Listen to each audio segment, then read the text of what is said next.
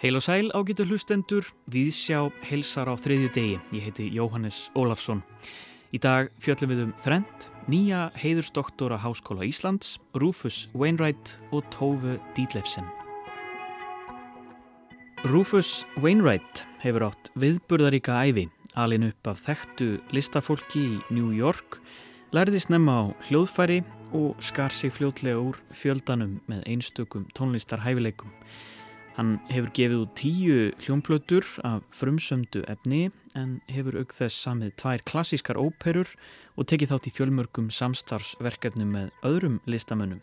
Samið kveikmyndatónlist og snarað sonnettum Shakespeare's yfir í tónlist, svo eitthvað sem nefnt. Síðasta platta hans kom út árið 2020, Unfollow the Rules, sem fekk Grammy tilnefningu sem besta popplata ársins. Rufus heldur tónleika á sunnudag í Hörpu og þar verður Jelena Čírić, tónlistapeislahöfundur Vísjár. Hún ætlar í dag að fræð okkur um þennan merkilega tónlistamann og spila nokkur velvalin tóndæmi hér rétt á eftir. Sumir segja að við lifum á sjálfsæfisögulegum tímum og það mætti tengja þá við skindilega og ef til vil örlítið óvænta endur uppgötun danska skáldsins Tove Dídlefsen sér í lagi í hinnum ennskumælandi heimi. Tove Dídlefsen lést árið 1976 þá aðeins 59 ára gömul en vinsaldir verka hennar að henni látinni eru að springa út Árið 2019 kom út í fyrsta sinn ennsk þýðing sjálfs æfisögu þrílegs hennar, svo kallast Kaupmannahafnar þrílegs og svo bók raug upp á mittsölu listum þekktustu dagblada bandaríkjana á borfið New York Times. Upp frá því hefur hálfgert Tófi æði gripið um sig meðal ennskumælandi bókmenta unnenda og þýðingar halda áfram að streyma úr prentsmiðjum. Við spyrjum Þórdísi Gísladóttur, Ritthund og Þýðanda nánar út í þetta Tófi Dítlefsen æði í lok þáttar. En við hefjum okkar ferðalag í Víðsjá í dag í Háttíðarsal Háskóla Íslands. Í gær voru skáldinn Hannes Pétursson og Steinun Sigurdardóttir sæmt heiðursdoktors nafnbót frá Íslensku og menningardeild Háskóla Íslands. Steinun og Hannes eru meðal okkar merkustu samtíma höfunda og við aðtöfninni í gær voru flutt ímis erindi um skáldin 2, auk tónlistarflutnings og ljóðalesturs. Hannes Pétursson er bæði ljóðskáld og fræðimaður. Hann kvatti sér hljóðs með kvæðabók árið 1955 og gaf út fjölda ljóðabóka með reglulegu millibili hans nýjasta haust augu árið 2018. Náttúran og sagan skipa mikilvægan sess í skáldskap Hannesar og hann samþættir hefðir og nýjungar á skapandi hátt.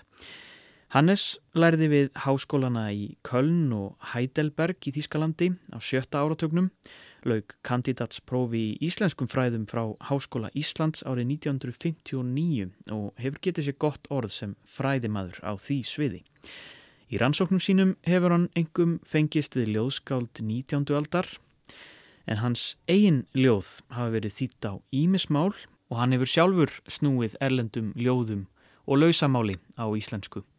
Við skulum grýpa örstuðt niður í erindi Sveins Yngva Egilsonar, professors í íslenskum bókmyndum um skáldskap Hannesar. Hannes kallaði eina ljóðabók sína Innlönd og það er lýsandi heiti. Ljóð hans lýsa þeim innlöndum og hugarheimum sem ljúkast upp í skáldskap, skáldskap sem hjálpar okkur að muna og skinja.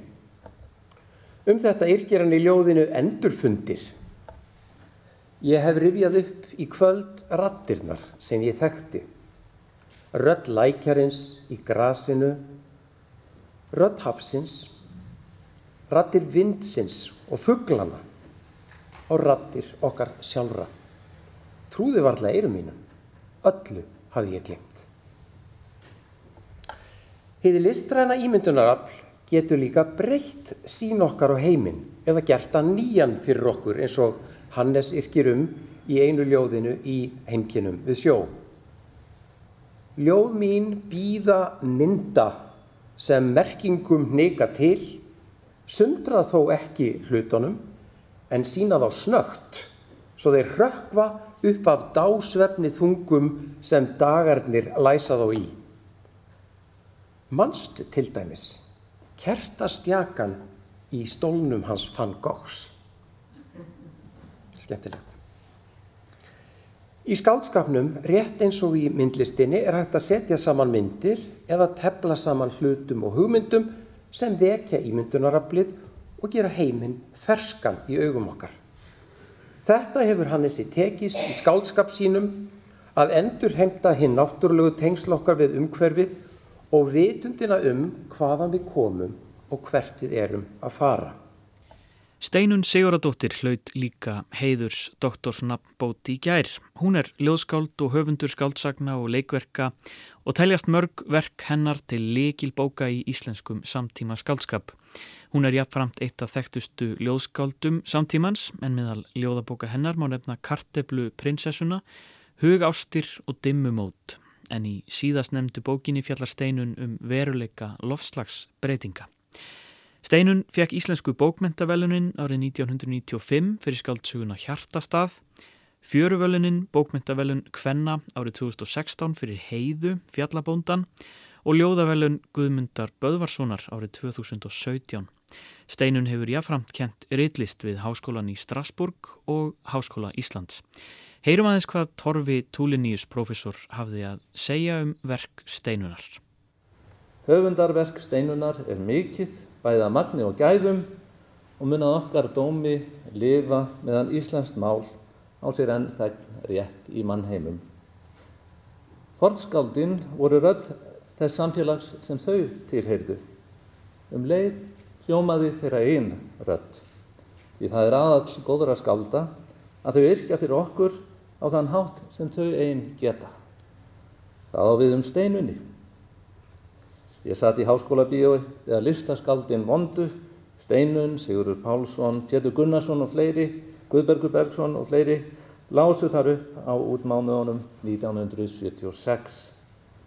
Þá heyrði ég fyrst rödd Steinunar, blástemd og leikandi, músikalsk og björst, persónuleg eins og hún væri í enga samtali við mann, rödd sem færið okkur orðin þannig að þau livnuðu í huganum. Hún hljómar alltaf þessi rödd í hugskoti mínu þegar ég les steinunni. Ég trúi því að það er líka við um þá sem aldrei hafa heyrt hana lesa eða tala. En þóttu röddinn sér persónuleg, þá er hún líka að miðla reynslu okkar allra.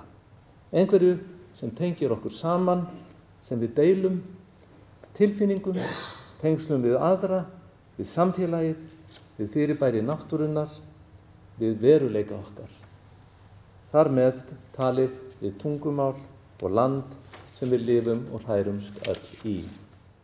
Sagði Torfi Túliníus um verk steinunar Siguradóttur sem hjælt einmitt ræðu við þetta tilefni þegar hún var sæmt heiðursdoktors nafnbót og steinun allar hér næst að flytja ræðuna. Við gefum henni orðið.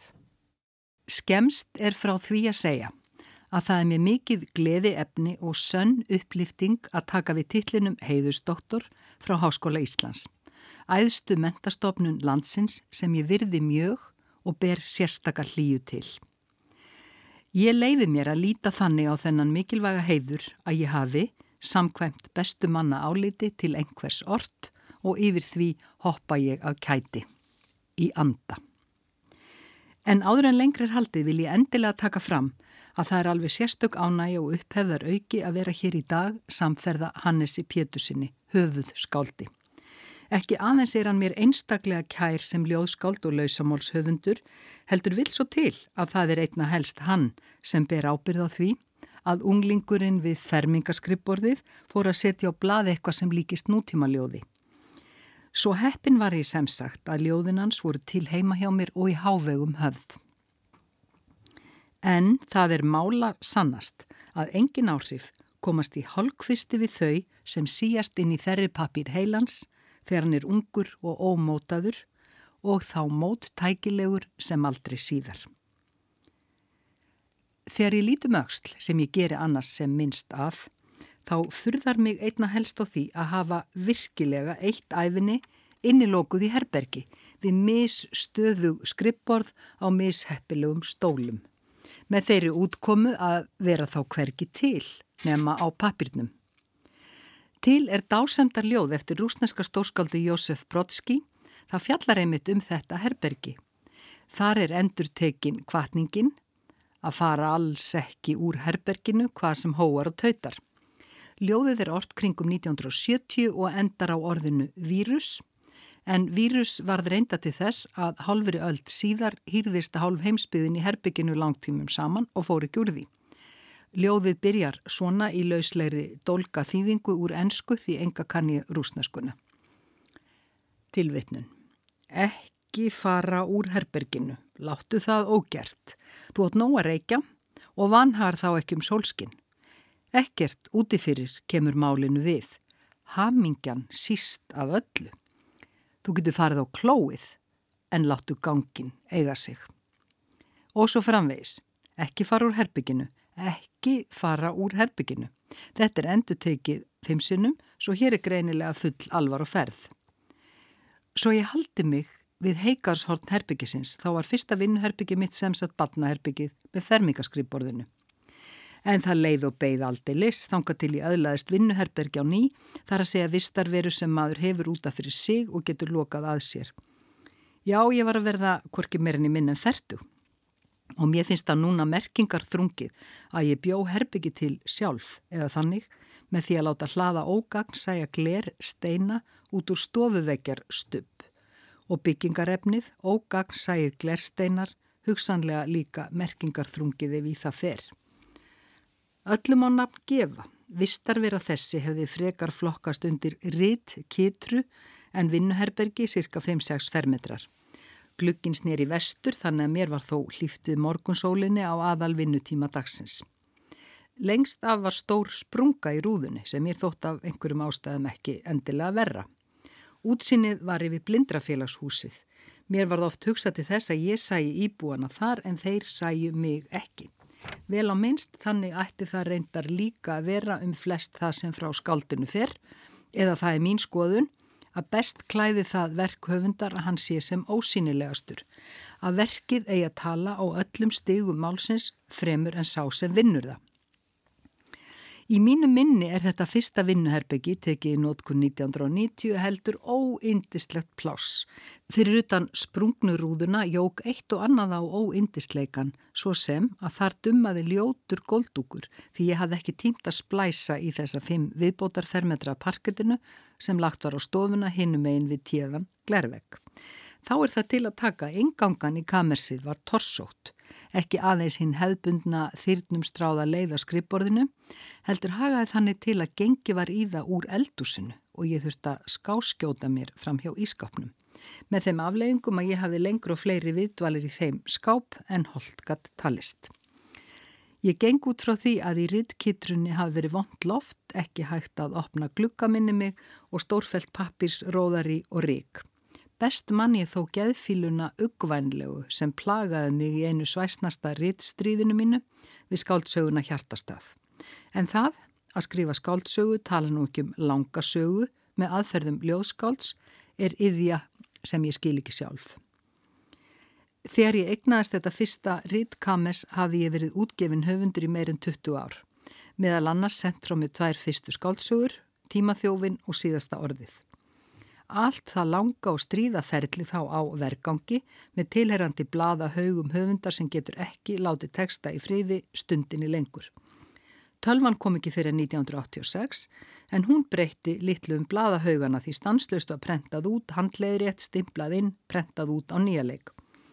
Apple Macintosh tölvan kupslega var hins vegar ekki eins plássfreg og monumental mublan Ramasriðvilin sem mun hafa fyllt út í umtalsverðan hluta af svefnebergjum, stofum og öðrum verkánsherbyggjum höfundarins. En tímin er með mér, hér, time is on my side, þegar ég fyrir að rekna, þá hef ég þó núna átt vinnuherbyggi ekki alveg samfelt að vísu, tíu árum lengur en ég var án þess. Og góðu fréttinnar úr þessu herbyggi enn sem fyrr, ekki síst þær, að viðfánsefni þar inni við viðegandi skrifhúsgögn núorðið sem betur fyrir fyrir stóðkerfið á þessu stíi. Góðu fréttinnar já að ástkærasta viðfánsefnið íslensku orðin Meðferð þeirra nótkun og merking íslenska málið hættir ekki að heilla mig.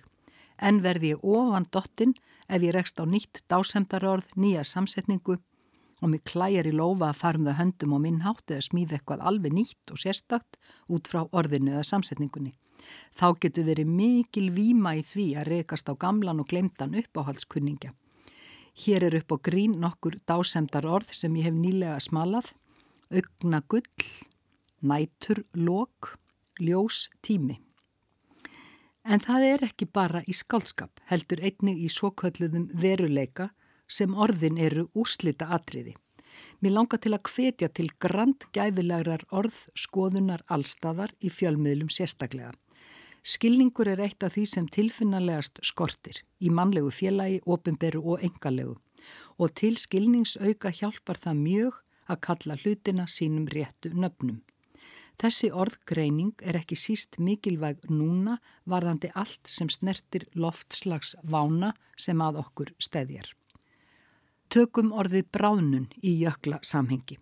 Það er jú satt og rétt að jöklar bráðna en orðið er all sakleysislegt miða við þið mjög svo meinlega tilefni.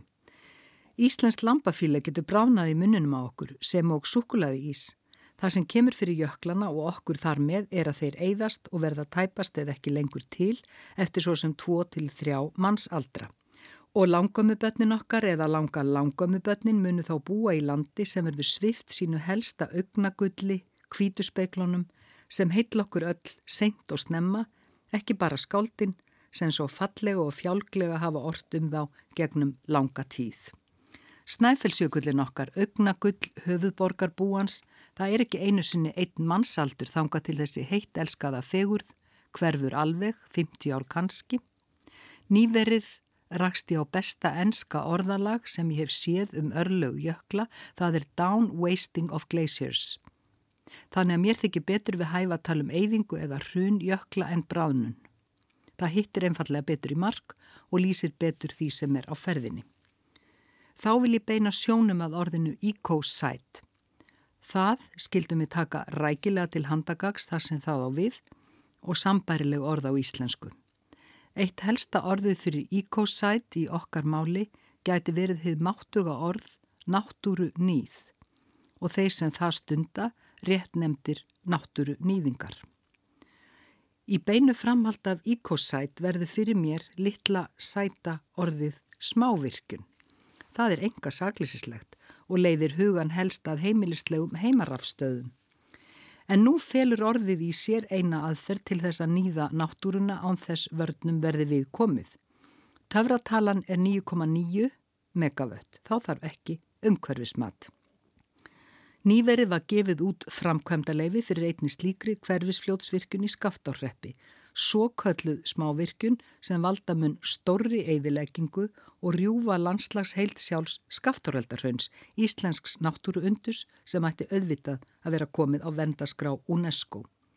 Þráttur í fallengun skipulastofnunar meðal annars vegna þessa virkunum þykir engar ógáfuleg hugmynd til öflunar megavatta þá er þessu komið í gegn fyrir tilstuðlan landeigandans og þremenninga í sveitastjórn. Spurja má hvort þessi framgangsmáti væri sambóðin sæmilegum stjórnarháttum í alvöru landi. Þannig vil til að bærinas pappa, Seljaland, er næst næsti bær við þessa fyrirhugðu framkvæmt. Þarna var ég í sveit á sumrin, þá heyrði ég málfríði föðusistur tala um lamphaga fossana, fögru, sem einmitt stendur nú til að spilla. Þessi frænka mín var mesta náttúrubarn sem ég hef kynst en orðið sjálf náttúrubarn er vel að merkja eitt af mínum uppáhalds. Frá málfríði frænguminni hef ég helst mína sín á náttúruna og úr hjartastanum mínum í fljóskverfi sprettur með einum eða öðrum hætti margt af því sem ég hef látið frá mér fara. En Það er fleira misvísandi fagur gali hjá orkugeiranum en orðið smávirkun, samanber nýja málm skógin sem á að klæða landið okkar. Fætt er orðið vindmillu lundur. Ég kannast helst við orðið lundur úr þjóðkvæðum, fellur dögg á fagra eik í lundi eða ég leitti þig í lundin mín Liljan Fríð. En svo yfirmáta romantískar eru vindmilur íslenska orku gerans þá orðnar að helst maður geti tengt við rittaran ástsjúka og raunamæta Donki Kota og söngur hans fyrir sína dúlsi neðu yrði þá Ég leitti þig í vindmilu lundin mín Liljan Fríð. Í þeim annarlega lundi geti þó erði torsótt til ástarjáttninga nema beita fyrir sig rópum og köllum því ekki myndi heyra mannsins mál. Ég hefði talið það til eftirsóttustu lífskeið að vera laus við háfaðamengun og Íslandið okkar býður enn upp á dásemdar þögn á stórum svæðum og er þó háfaðin aðeins eitt kringum vindmilur sem spurningar vekur. Er vindmil á Íslandi sama sem vindmil í Dammörku, hvaðum ofur viðkvæman gróður fósturjarðarinnar, hundrað steipubílar undir hverja millu og hvað á að gera við málm risan þegar hann er döður eftir 20 ár. Mér þykir að taka ætti ornótkun orkugerans og spunameistaran á þeim bæ sérstaklega til bæna. Fagurgalinn um græna orku er til dæmis ekki beinlínis alltaf allur það sem hann er síður. Ég vildi óska þess hér og annar staðar að við gerðum okkar besta til þess að afhjúpa nótkun orða sem bera í sér ligar vísvitandi. Því ligar standa beinlínis í vegi fyrir velferð okkar og framförum Því má til dæmis velta fyrir sér hvort lofslagsmál heimsins væri svo krappri stöðu sem raunber vittni hefði ekki verið í gangi mikilvirkar áróðus ligavélar afneitaranna drifnar áfram með mjög miklu fjármagni. Einn merkilegasta bók sem ég hef lesið er Ritgerðasafn Jósefs Brodskís á ensku Less Than One. Hún fjallar um uppvöxt hans í Sovjet. Lokasetning fyrstu Ritgerðarinnar situr alltaf í mér tilvitnun, litli drengurinn sest, opna skólatöskuna, setur penna og stílabók á borðið, lítur upp og býr sig undir að hlusta á þvælu, tilvitnun líkur. Í okkar heimsluta hafa eirun sviðnað undan óvenju svæsinni og tíðri lega þvælu á undanförnum árum, sérstaklega með tilkomu hins ónefnanlega forvera, núverandi bandaríkjafósita. Þá er blöskrunarlegt að sitja nú undir hryllingsþvaðrinu sem pumpast út úr Kreml varðandi innrás rúsa í Ukrænu. Og enn eitt sem verður að kalla sínu rétta nafni, innrás, ekki átök, ekki stríð, heldur innrás eins lands í annað land. En hvoru tveggja ligarnar úr austri og vestri eru mókun við hugsun þeirra sem eru sæmilega upplýstir og stór skadlegar þeim sem ekki vita betur þar með okkur öllum. Meðan líin er svo mjög við lífi þá er erfitt að komast áfram. Hvað sem öllu siðferði líður þá er líin reynd og beint gjörsamlega ópraktisk og hamlandi jamt ofinbellega sem engalega. Þar sem líin blífur það reyfist alls ekki neitt nema þá helst norður og niður. Að lokum varðandi heiður dagsins. Það er mér mjög mikil kvartning til áframhaldandi þaulsetu í vinnuherberginu að fulltrúar Háskóla Íslands meta mitt framlag úr þeirri stöð til svo margra fiska sem raun ber vitni. Og ekki sama hvaðan gott kemur, hér vélarum harsnúnasta bókmentalið landsins þar sem margir hverjir eru jafnframt fræðimennsku, fram úr skarandi rittöfundar, þýðendur, hugmyndasmiðir. Ég er því á allan hátt afskaplega stolt yfir heiðustóktors nafnbótinni sem mér hefur nú hlotnast og svo það sé skýrt að þrátt fyrir þó nokkuð mikið magn af bókatillum eins og maðurinn sagði, þá er ég rétt að byrja. Hjartans takkir.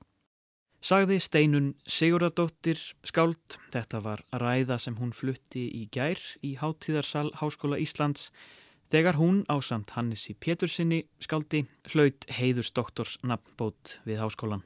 Við óskum þeim báðum innilega til hamingju með nafnbótina.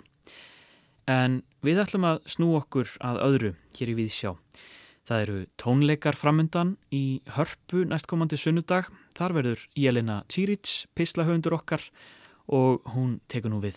I don't wanna hold you so helpless. I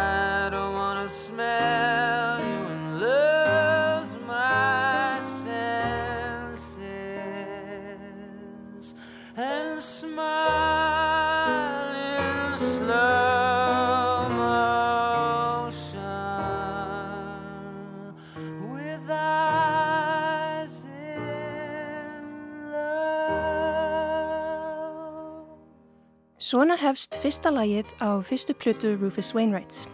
Platan, sem heitir einfalla Rufus Wainwright, kom út árið 1998. Rufus hafði varið nánast tveimur árum í upptökur á samt pródusernum John Bryan. Þeir höfðu tekið upp 56 lög á 62 segulbandsbólur. Hljóðurítunin öll kostaði kringum 700.000 bandaríska dollara. 13 af þessum 56 lögum komust á plötuna sem var fagnað af gaggrínundum en náði þó ekki vinsaldum meðal almennings. Það sama márun er segja um langflest verk Wainwrights, tíu plötur, eina óperu, ábreyður af sígildum lögum og fleira. Þó tónlist hans hafi aldrei selst í bílförmum, hefur hann oft og títt verið lofaður af tónlistargaggrínundum og tónlistarmönnum, eins og sjálfum Elton John, sem hefur kallað Wainwright bestarlagahöfundin á jörðinni. Rufus Wainwright er á Íslandi og spilar í hörpu sunnudaginn 29. mæ. Í tilöfni af því langar mig að segja ykkur, kæri hlustundur, aðeins frá þessum magnaða tónlistarmanni sem á það samínlegt með mér að vera með kanadíst vegabref, þó hann, eins og ég, hafi verið annar staðar stóran hluta af lífi sínu.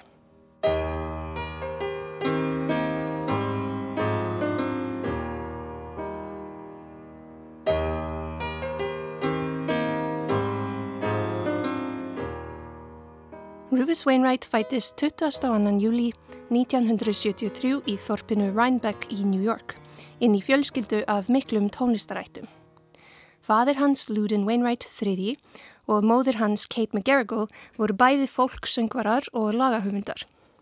Þau skildu þegar Rufus var aðeins strikkjára og þá flutti hann með mömmu sinni til Montreal í Kanada, þar sem hann ólst upp.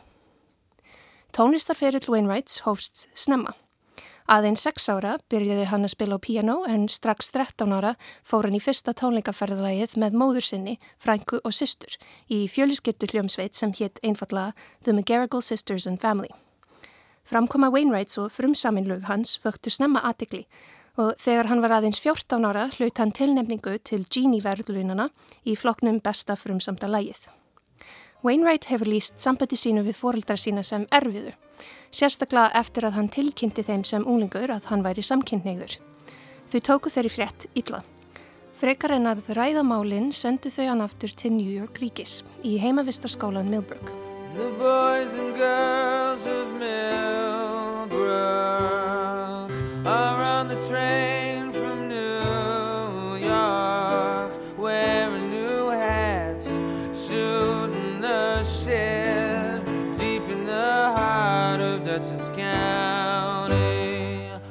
Rufus Wainwright var aðeins 25 ára þegar fyrsta platan hans kom út en á þeim tíma hafði hann reynt meira en margir á heitli öld. Tekstarnir á plutunni fjallum ást og ástarsorg frá hins einn sjónarhorni en einnig um áfall. Honum var nauðgað aðeins 14 ára gömlum. Þetta var seint á nýjunda áratögnum og Wainwright var lengi hrættur um að hann hefði smitast af alnæmi sem á þeim tíma var dauðadómur.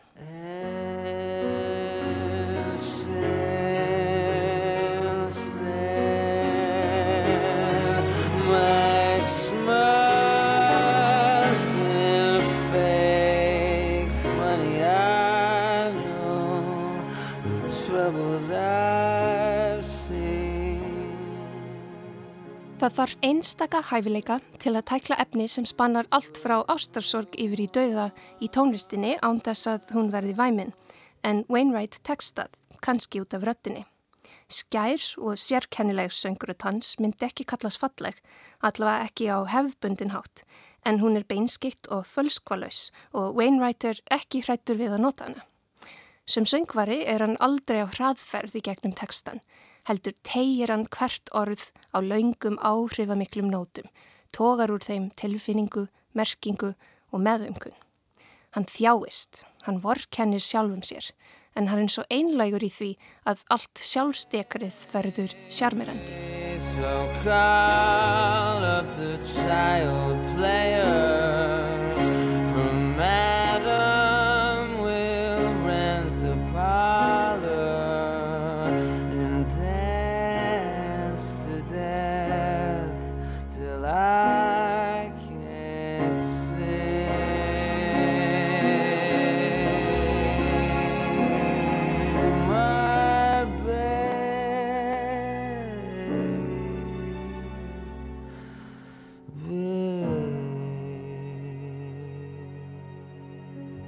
Sem unglingur uppgötvaði Wainwright óperur og varð haugfangin af þeim.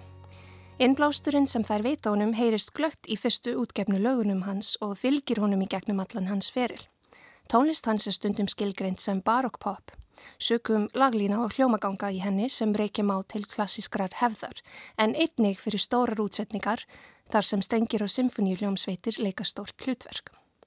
En lög Wainwrights eru heldur frjálsari í forminu en barokktónlist. Þau eiga til að byrja á viðlæginu eða enda á brunni, stundum er erfitt að segja hvort það hafi verið erindi í þeim yfir höfuð. Rýmið í tekstanum byrtist þar sem hlustandin á sjaldan vona því eða byrtist ekki þar sem hann býst við að heyra það.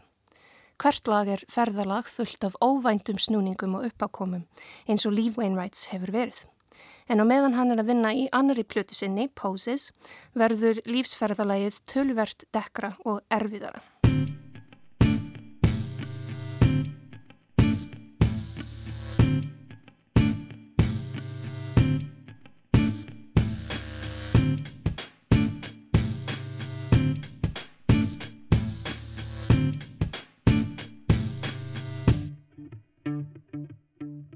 Poses fær lof gaggrinenda eins og fyrsta platan en selst ekki sérstaklega vel.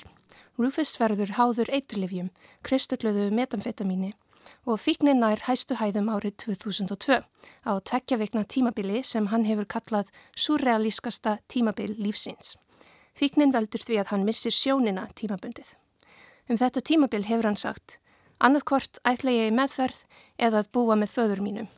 Ég vissi að ég þurfti drullusokk til að öskra á mig og mér fannst hann passa í það hlutverk.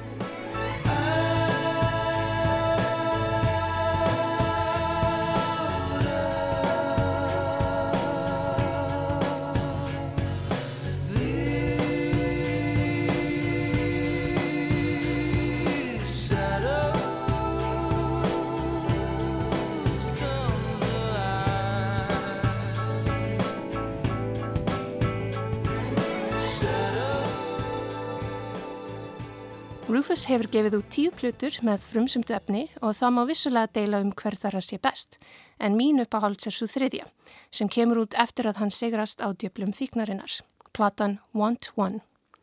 Á Want One er Rufus bara ennþá meira Rufus í öllum skilningi. Útsetningarnar eru enn dramatískari, röttin enn viðkvæmari, en á sama tíma byrtist eitthvað nýtt í lögunum. Bjart síni, jafnveg lífsgleði. En það er ekki bjart síni saklausa barsins, heldur dýrkeift bjart síni þess sem hefur lent í hörmungum og lífað af.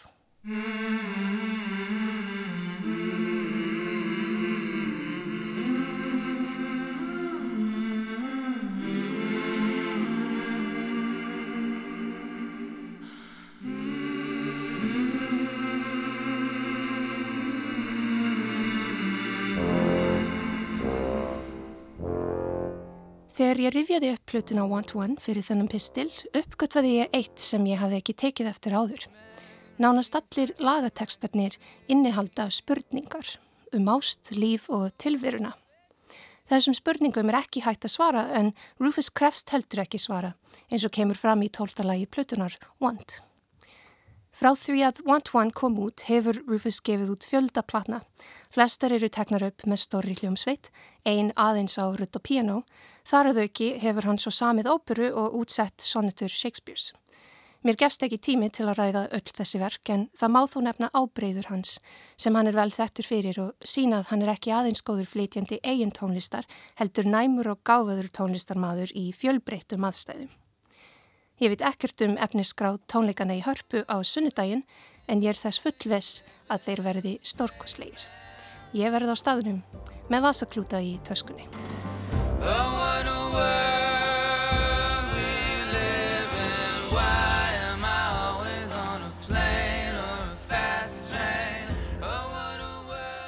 Lægið Oh What a World kanadíski tónlistamæðurinn Rufus Wainwright sem Jelena Chirits fjallaði þarna um.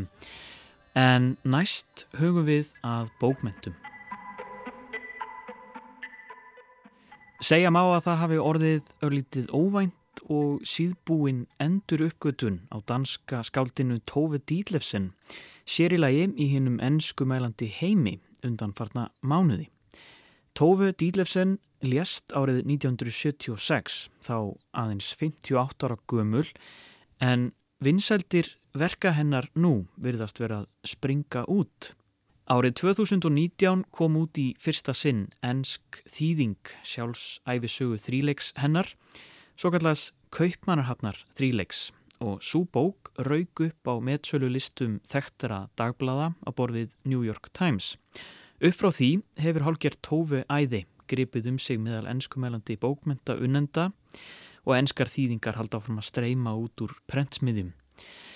Til þess að ná aðeins betur utanum þessa atbyrðar ás og vita meira um Tófi Dítlefsen fekk ég til mín Þórdísi Gísladóttur Rittöfund og þýðanda sem þekkir vel til verka hennar og hefur nýlokið við að endur þýða bókina Gift.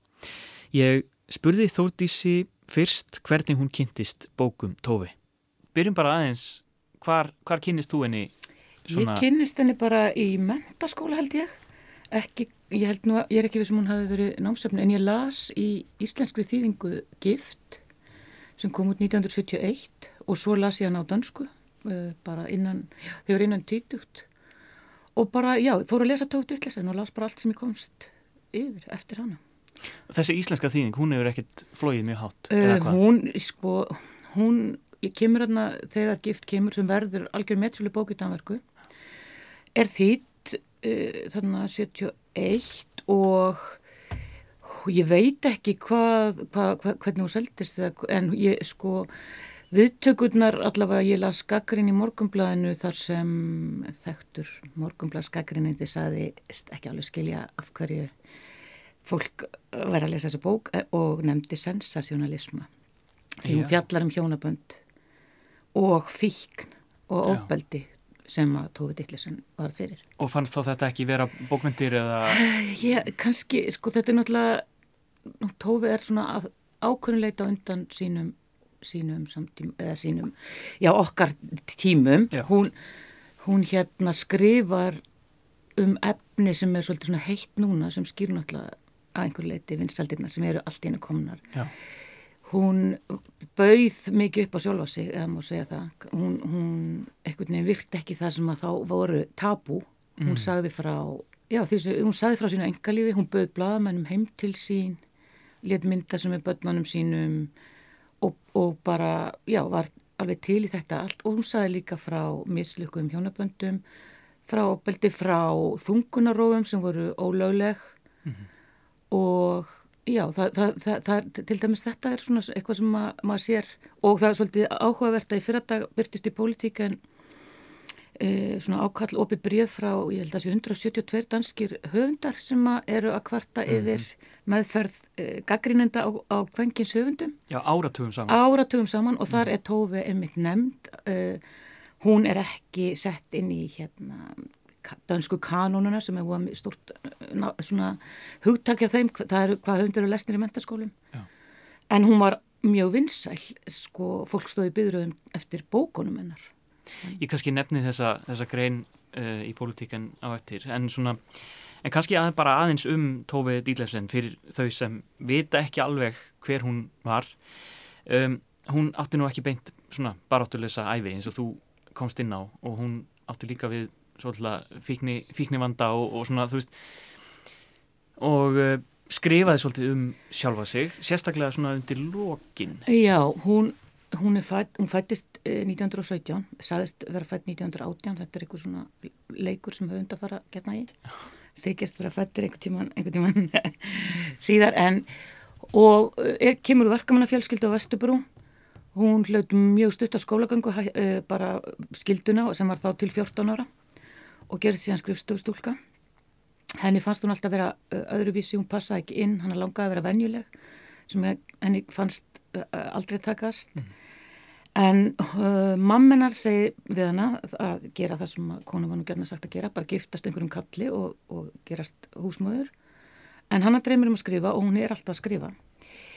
Og hún leysir þetta með því að gifta sig tvítug um, 30 árum eldri manni eða hún var rúmlega tvítug sem var, hann var reyndar, var, var í tryggingabransanum en hann var líka rittstjóri tímaritt sem gaf út efni eftir ungskáld og svona mentor ungskálda Viggo Möller hérna mm. Uh, þeirra hjónaband uh, uh, var, ég held að segja, ekki að segja að það verið eitthvað ófarsalt, það var nú bara svona frekar krútlegt eins og hún lýsið því. Já. En það endist bara í eitt ár og uh, þau voru bæði líklega alveg vanhæf til þess að vera í þessu hjónabandi en, en hún gaf út ljóðabók og skrifaði síðan skáldsögu sem að, uh, já, hann svona hjálpaði henni allavega af stað. Mm.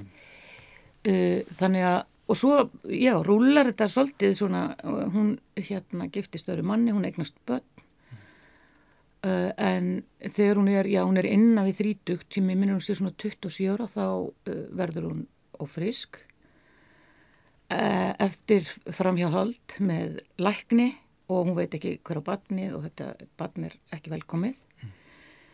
Þannig að læknirinn uh, ákveður bara að e, rjúfa þessa þungun. Og mér minnir að hafa bara verið í stúdendarbyggin hans eða herbyggi sem hann bjói hann var, hann hérna, starfið yfir ansóknir og gerir það og gefur henni petitín sem er eitthvað svona morfin morfinskill lif og hún bara samstundis verður hún bara fíknisjúklingur. Og ég sko, ég held þetta sé nú þetta er ekki fyrsta þungunarófi sem hún fer í. Og uh, hún í raun og veru skilur bara við manni sinn og giftist þessum lækni sem var síðan bara uh, já, að sjá henni fyrir fíknefnum hún, hún fór út í alls konar falsanir á livsærum og þetta það bara voru nokkur ár sem hún var gjörsamlega sko, já, bara spröytuð af, niður reglulega og hún verður bara eins og skar og er inn og út af gæteldum og alls konar meðferðum. Þangað til í raun og veru vinur uh, þessa manns bjargarinni sem var uh, reittstjóri og sem hún síðan var gift í 21 ár. En, en svona lífennar eftir þetta var, já, hún var oft innlögð á ymsar deldir og var þunglind og en átti samt uh, alltaf sínar, já, ég held hún að hafa átt að mörgleiti samt gott líf held ég, ég svona, eftir því sem hann sínist ég hef lesið alltaf bref sem hún skrifaði vinkunni sinna og það var það er svona margt skemmtilegt. Og hún var svona lúmstfindin, kaltæðin, hún var, hún sá um hérna svara í brevadalki í Family Journalin þar sem hún svaraði svona mjög kaltæðið og, og hérna þetta, þetta er ekki gútur að núna að koma svona fram fólk eins og hún, eins og hún gerir en, en hérna þetta var bara svona sá tími. Ja.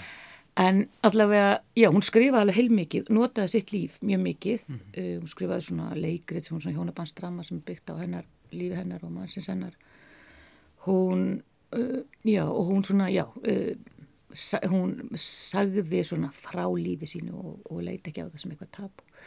Þannig að það er allavega eitthvað sem að, sko, nú er farið, að hlusta konur og, og hérna, hún bæði, sko, þetta eins og, já, svona MeToo hefur ítti búið yfirborðið og annað sem ég held að geti líka skýrt svona áhuga núna er um, þetta með, sko, það er svo mikið farað um tráma og og, og neyslu á alls konar efnum. Hún er alltaf mjög traumatísur manneski og gengi í gegnum ímislegt. Hún skrifaði skáltsu um hérna badd sem að lendi misnótkun. Það hafa verið rætt um hvort að þetta sé byggt á hennar eh, eigin reynslu. Sumir halda það. Það er alltaf eitthvað sem er hérna, hún er með í, í farteskinu. Nú og þessi þungunarof og, og, og nauðganir, eh, þessi lekni sem hún er gift, hún segir alveg blákallt að hann hafi verið með eitthvað svona blæti fyrir passífum konum og þá er náttúrulega mjög gott að bara gefa henni spraut og láta henni að liggja hérna hólk dauða sko. Þannig að þetta er svona, já. já.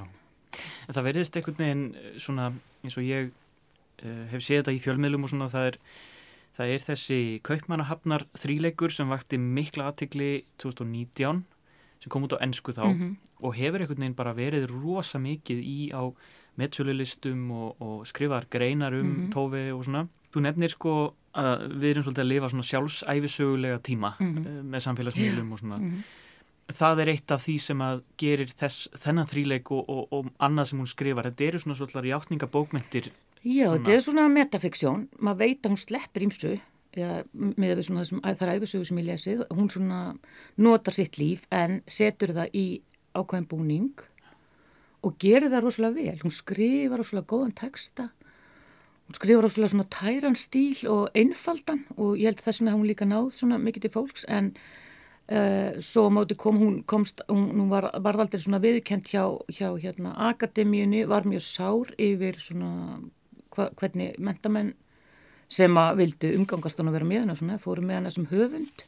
Þannig fannst hún ekki svona að fá sín viðkenningu sem, sem að, vissuleiti er rétt hún líka skrifa á tímum móternismans þannig að koma, hún skrifaði ljóð sem voru svona oft bara svona fjóra línur og, og hérna hafði svo sem enga mentun eða hafði aldrei velt fyrir sér hérna einhverjum hérna svona bókmæntalegum svona pælingum þannig séð. Mm. en hún skrifar áslega svona, já mér finnst hún skrifa áslega svona fallegan texta og svona lúmskan húmor leta kaltæni, þetta, þetta er svona já virkilega svona hugsað það sem hún skrifar, fyrst mér svona það er bara hver einsta setning er áslega svona Meitluð. tær og meitluð Já, en eins og segir sko kannski einhver svona bókmynda elita sem að lítur fram hjá henni en hún var vinsæl.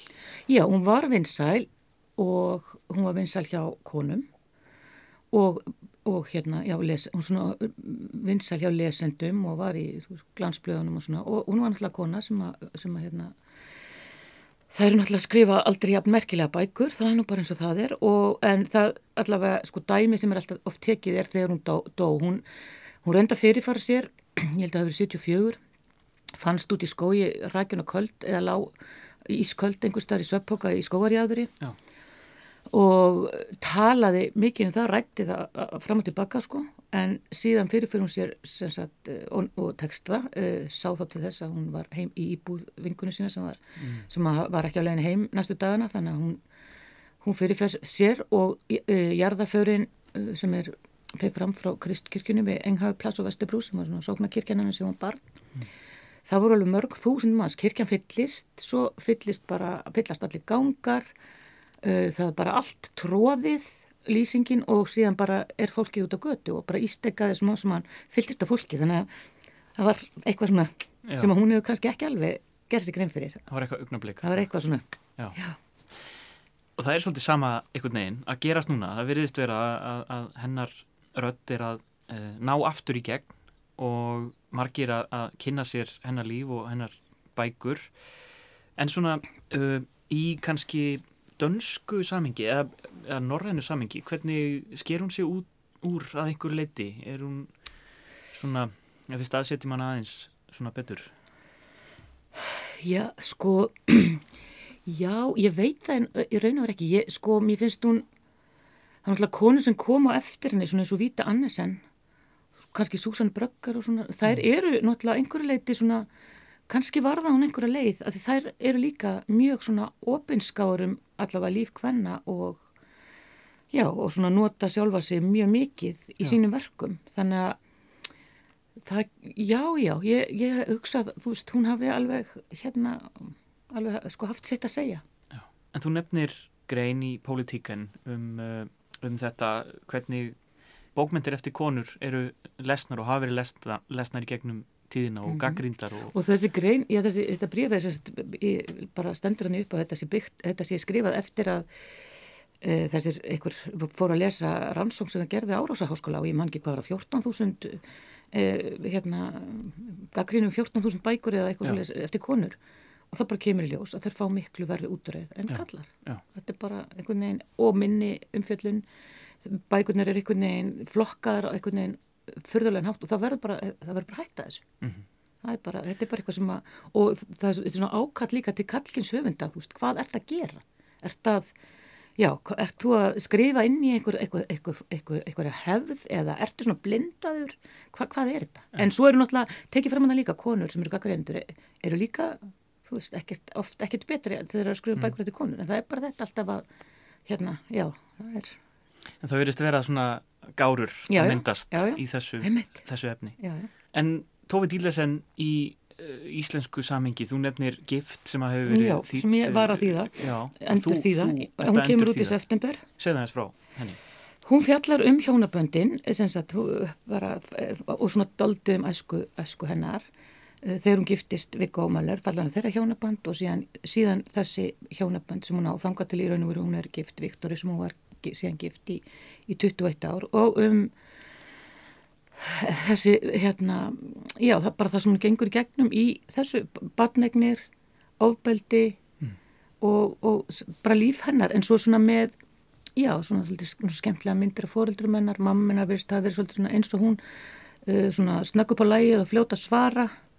Og þetta er svona, þetta er skemmtilegt og, og lífið í kaupmannahöfn. Þannig að hérna, það er alveg þetta er, þetta er mjög áhugavert og, og hérna já, ekki laung bók en, en hérna, já, það er eiginlega allt svona, hver einasta setning er virkilega svona eitthvað sem maður getur hugsað um sko. Já, og fyrir lesendur sem að er núna býða í ofenni eða, eða vilja, vilja lesa hana, þau geta nálgast þessa gömlu þýðingu en, en hvernig kemur nýja? Hún kemur bara í september segir uh, Benedikt bóka átgáð bara í byrjun september. Hún bara, hún er tilbúin og bara fer líklega fljú, fljú, fljú á stað Kemur með höstskipunum En þar svo ekki bara þýða Kaupmann að hafna þríleikin og, og, Jú, og komin ég, aðeins betra á kosti Ég hugsa að það verði gert eða ég vona það. Ef, ef, hérna, ef gift fær góða mótugur þá held ég bara að dembi mér í það. En þú hlýtur að fagna þessum, þessum uh, mikla, miklu vinnseldum og kannski óvæntu eða... Já, svona... já, ég er mjög glöð, finnst mjög gaman að hérna, heimurinn sé að sé að uppgöta eh, tóið dittlesin eftir, já, já, svona mörgum áratöðum eftir hún deyr. Já, takk kjærlega fyrir komina Þórti Skísladóttir í Víðsjá. Takk.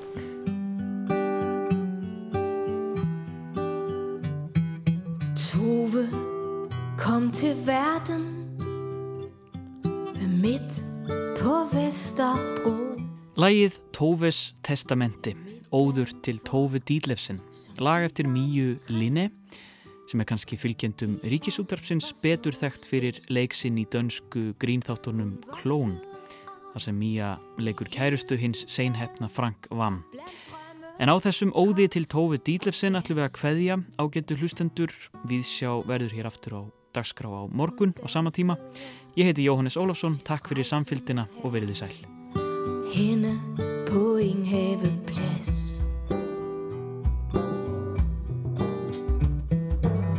Elskede de skæve børn De sjove og de gale. Hun flygtede fra dem som var for rene og normale. Dem som havde let ved alt, og som aldrig måtte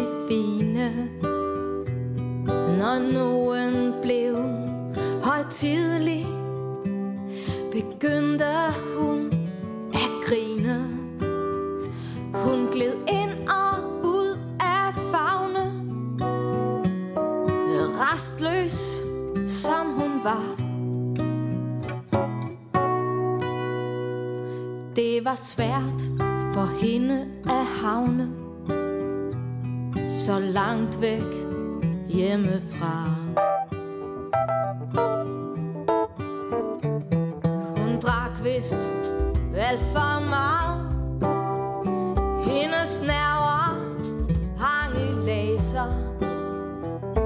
Der folk på sindssyge hospitalet Satte hendes blomster i vaser